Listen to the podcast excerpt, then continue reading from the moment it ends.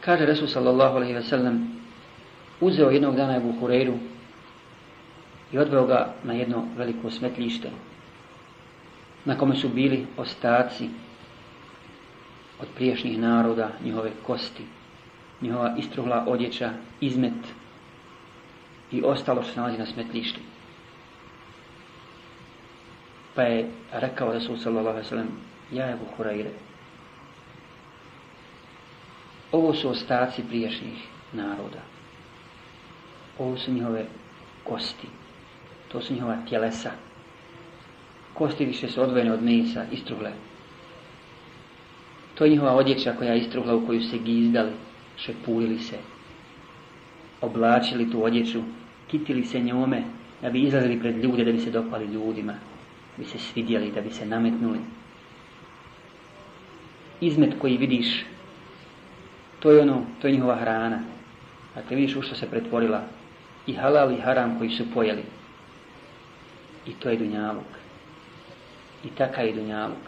I zar on vrijedi, zar on vrijedi da se njemu posvjeti pažnja.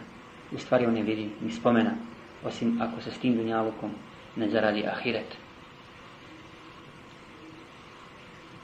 Sljedeći hadis koji želimo navesti jeste hadis u kojem kaže Rasul sallallahu alaihi ve sellem Allah šanuhu najviše mrzi Allah najviše mrzi oholog ponositog čovjeka slažnim ponosom, dakle, brbljivog, bučnog po pijacama, proždrljivog, magarca po danu, a lešinu po noći. Zna stvari Dunjaluka, o Ahiretu ne zna ništa.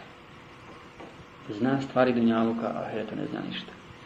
Zaista su ljudi danas postali ko magarci. Dunjaluk je toliko zarobio da su mu se potpuno predali i posvetili i oni su postali robovi Dunjaluka.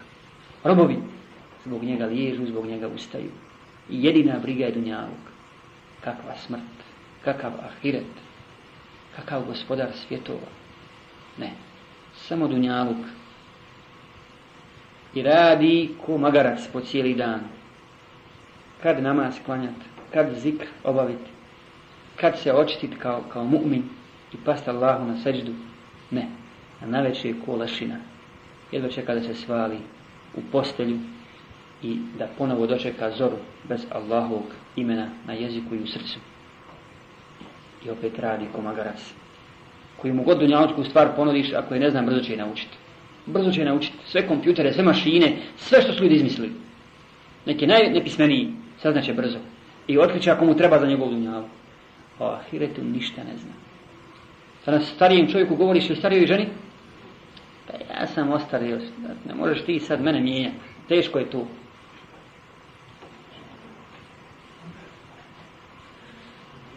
A Dunjaluk može naučiti i po stari dan.